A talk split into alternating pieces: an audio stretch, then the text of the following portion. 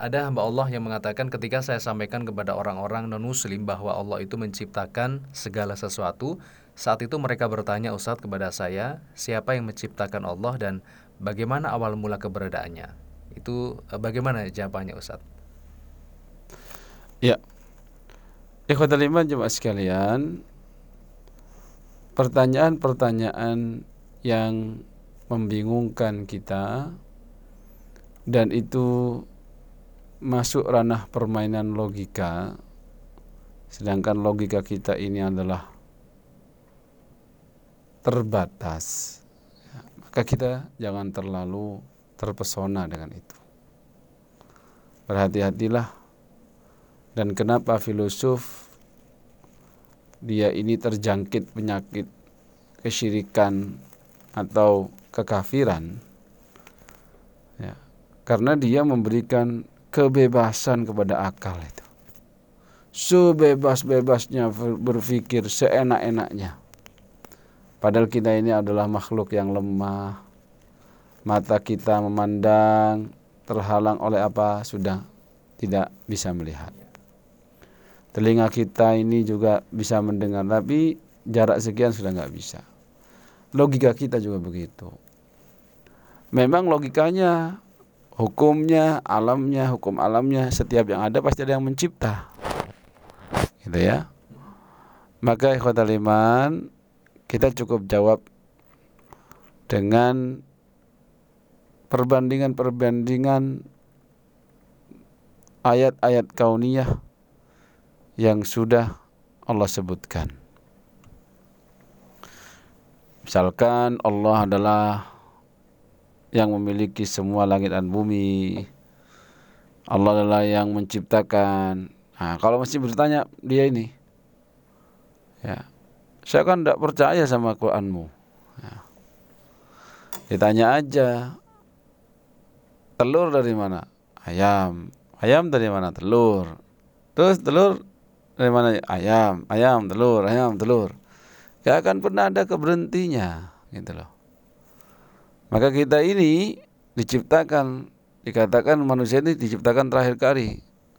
Dan lakot khalaqnal insana fi ahsani taqwim. Diciptakan oleh Allah dalam bentuk yang paling keren ya. Masuk ke bin kita akan mengatakan kita adalah uh, paling keren. Kalau ada orang yang tidak percaya sentuh fitrahnya. Bahwasannya la ilaha illallah tidak Tuhan selain Allah itu menafikan setiap Tuhan yang dianggap Tuhan. Kalaupun pertanyaan itu ya diajukan kepada agama lain, kemudian ditanya, nah, contohnya orang-orang kafir musyrik yang menyembah berhala, justru memalukan mereka.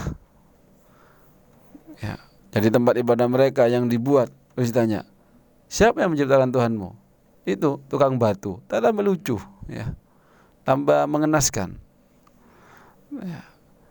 Maka ikhwatal iman Allah sebagai Tuhan pencipta Rabbul Alamin telah mengikrarkan dirinya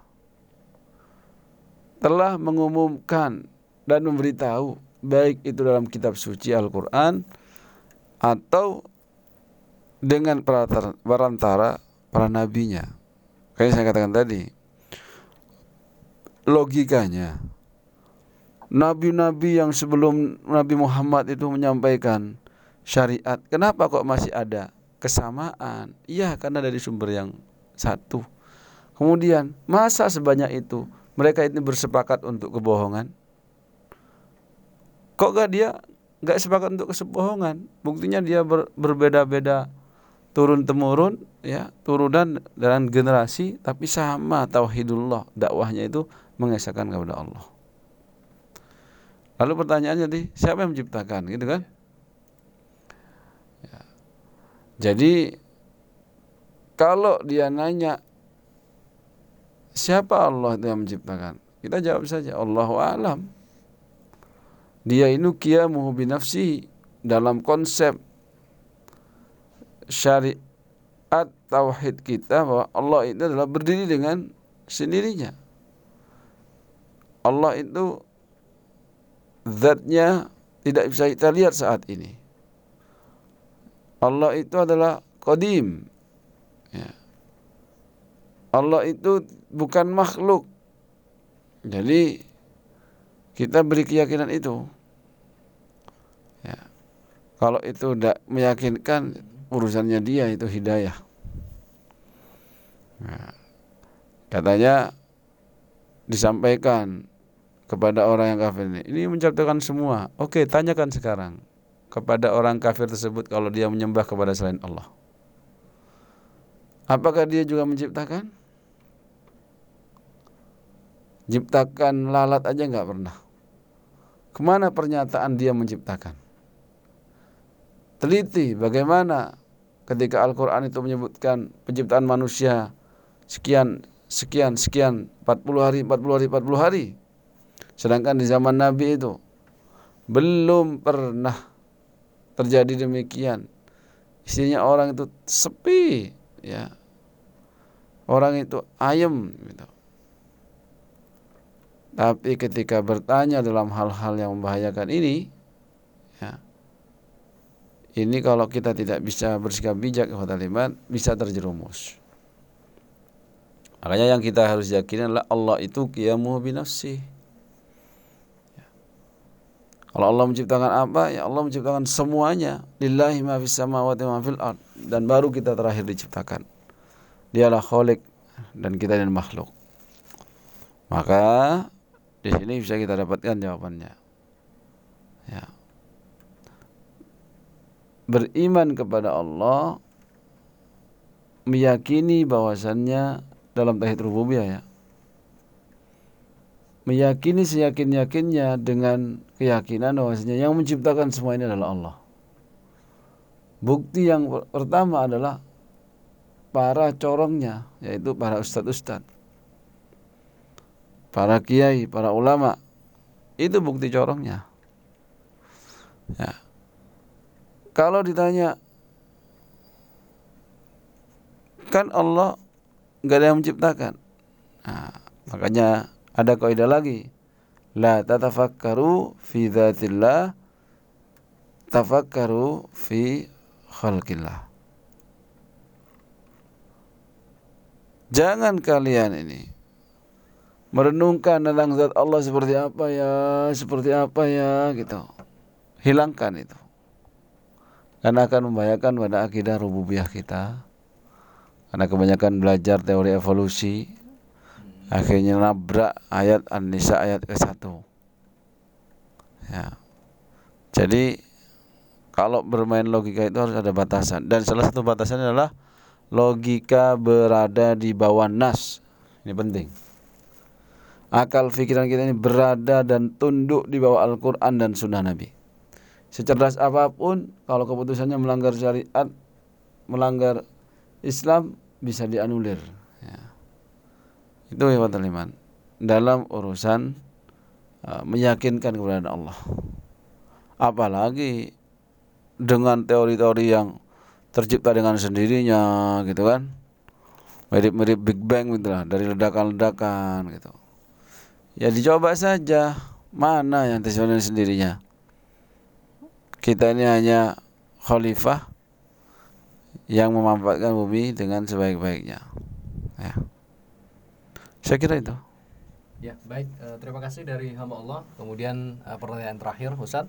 Sebagian orang melanggar larangan Allah seperti menyukur jenggot, kemudian merokok dan semisal hal lainnya. Apabila dia ditegur meninggalkan perbuatan itu dengan ringan, dia itu menjawab seperti ini Ustaz.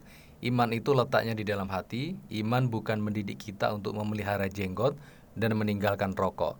Rasulullah Shallallahu Alaihi Wasallam bersabda sesungguhnya Allah tidak melihat rupa tubuhmu tetapi Dia melihat hatimu. Kalau seperti ini bagaimana Ustaz cara kita uh, menyikapi orang yang uh, membantah pernyataan ini?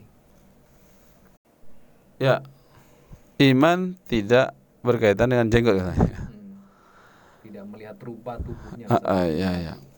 Baik. Tapi ikhwatal iman, zahir yadullu alal batin.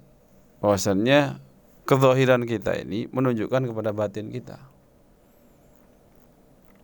Kalau kita lihat ya, jenggot Masa gak ada urusan dengan keimanan? Adalah. Wong dulu pernah diwajibkan untuk menjadi pembeda kok antara orang Islam dan orang Yahudi. Syariat kita itu ya, mengajarkan kita untuk menyelisihi kebiasaan-kebiasaan orang Yahudi itu. Orang-orang kafir ahlu kitab. Nah kalau urusan jenggot kaitannya dengan keimanan adalah iman kepada Rasul di mana ketika kita mencontoh gerak-gerik Nabi, tingkah laku Nabi, bahkan penampilannya Nabi dengan niat mencintai kepada Rasulullah, maka itu ada pahalanya. Makanya mitra muslim yang berjenggot silakan jangan dibonsai terus, biarkan berkembang lalu ditata rapi dan niatkan ya Allah saya berjenggot ini untuk mencontoh nabiku tercinta Nabi Muhammad sallallahu alaihi wasallam. Jangan kalau sudah panjang pas di kelabang jenggotnya. Akhirnya nggak sesuai dengan sunnah Nabi. Akhirnya seperti sunnahnya Pepi. Nah, repot ini ya. Jadi begitu. Jadi yang ditanyakan tadi masalahnya hmm. cara membantahnya Ustaz kalau misalkan iman itu letaknya bukan di dalam hati. Hmm. Caranya ya tadi ya. Jadi sesuatu yang ada di hati cerminannya adalah di di luar. Jadi orang yang melanggar terus melanggar terus memang hatinya yang hitam karena ada titik-titik dosa dan itu. Tetapi ketika kita melihat orang ini katanya beriman ini ini ini us gak apa yang penting ku imane ya. ya. Kalau saya tidak setuju ya setiap yang kita lakukan kalau kita kaitkan dengan keimanan itu pasti ada ya kecuali kemaksiatan dan lain-lain ya contohnya yang tadi itu berjenggot itu bagian dari iman kepada Rasul karena mencintai Nabi gitu loh kemudian yang contoh yang lain tadi ngerokok ya. Ya. Yaitu urusan dia. Syariat kalau mau di, dikaitkan dengan rokok ya kan kita sudah sama-sama tahu. Ada yang uh, mengharumkan, ada yang makruh saja dengan latar belakang yang berbeda. Maka otomatis kalau kita imani dengan kekuatan syariat yang kita miliki, berarti itu sedang belajar apa? Tepat waktu, disiplin dalam pekerjaan, walaupun hanya menjaga ini dan itu. Ya, saya kira itu. Ya, baik. Uh, terima kasih dari hamba Allah. Uh, dan ini menjadi pengunjung Ustaz kebersamaan pagi hari ini dalam kajian Fajar spesial Sawal bersama Ustadz Imamul Arifin LCMAI. Terakhir mungkin Ustadz ada intisari tadi yang sudah disampaikan tentang berkenaan rukun iman yang keempat, iman kepada Rasul Wasallam. Ya, mitra Muslim mana anda berada, dalam beriman kepada Rasul ini harus kita perhatikan betul bagaimana kita menjaga sunnah-sunnahnya. Iman kepada Rasul ditunjukkan dengan kita mengikuti sunnah-sunnahnya dan syariat Islam itu bagian dari sunnah-sunnah Nabi baik yang sifatnya wajib, sifatnya uh, mubah atau sifatnya sunnah. Maka pastikan keimanan kita kepada Rasul adalah dalam koridor yang tepat Jangan sampai mengaku beriman tapi tidak kenal Rasul. Kalau kita mengaku beriman kepada Rasul, ngefanlah sama Rasul. Contoh apa yang dia lakukan. Ada orang mengaku beriman, tapi makannya berdiri sambil jalan-jalan. Mana ini? Minumnya berdiri, walaupun itu makruh. Makruh itu bukan artinya tidak apa-apa, tapi dibenci. Gitu ya. Maka ikhwatal iman, mitra muslim, di mana Anda berada, Mari di bulan Syawal ini yang artinya Syawal itu meningkat. Kita tingkatkan juga keimanan kita sampai pada titik puncaknya. Ya. Kemudian juga di bulan Syawal ini kita berusaha memeriksa diri kita. Keimanan kepada Nabi ini seperti apa?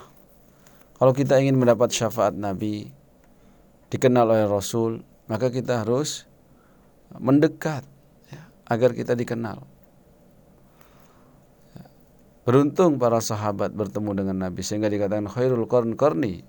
Sebaik-baik generasi ya generasi sahabat yang bertemu dengan Nabi. Karena muallimnya, karena murabbinya, leadernya, pemimpinnya langsung orang terbaik. Sehingga mudah mereka untuk mencontoh dan mencintai khususnya.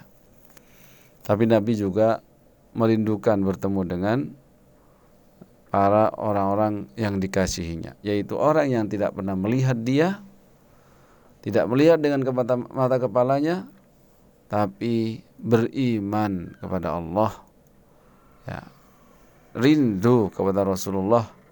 Ini orang-orang spesial. Maka mari kita menjadi orang-orang yang spesial ini beriman kepada Rasul dengan penuh puncak ya, keimanan sehingga ini menjadi nilai plus bagi kita khususnya yang sudah lulus dari madrasah Ramadan. Saya Imamul Arifin, mohon maaf atas segala kesalahan, kekhilafan selama belajar bersama di suara muslim ini. Minal a'izin wal faizin. Mohon maaf lahir batin. Semoga diterima pahala puasa kita, diterima qiyam Ramadan kita oleh Allah dan benar-benar kita mencapai derajat ketakwaan di sisi Allah. Cukup ini dari saya dalam segmen tanya jawab. Subhanakallahumma wa bihamdika asyhadu an la ilaha illa anta nastaghfiruka wa natubu ilaik. Terima kasih atas perhatiannya. Semoga menjadi ilmu yang manfaat khususnya bagi yang menyampaikan. Wassalamualaikum warahmatullahi wabarakatuh. Waalaikumsalam warahmatullahi wabarakatuh. Demikianlah mitra muslim kajian Fajar spesial Sawal bagi hari ini membahas di kitab Al-Bayan fi Arkanil Iman karya Syekh Majid Maki bersama Ustaz Imam Al-Arifin Al-Semai. Semoga menjadi ilmu yang bermanfaat untuk kita semua dan terima kasih mitra siar bagi hari ini yang bertugas di Suara Muslim Lumajang ada Mahfud Manaf di Suara Muslim Tuban Ian Aditya di Samar FM Tulungagung ada Bayu Veda di Angkasa FM 7 Temanggung Jawa Tengah bersama rekan Birarno. Saya Dani Rahmati dan produser eksekutif Abdul Kohar mohon undur diri dari ruang dengar Anda. Subhanakallahumma bihamdika nasyhadu alla ilaha illa anta nastaghfiruka wa natubu ilaik. Wassalamualaikum warahmatullahi wabarakatuh.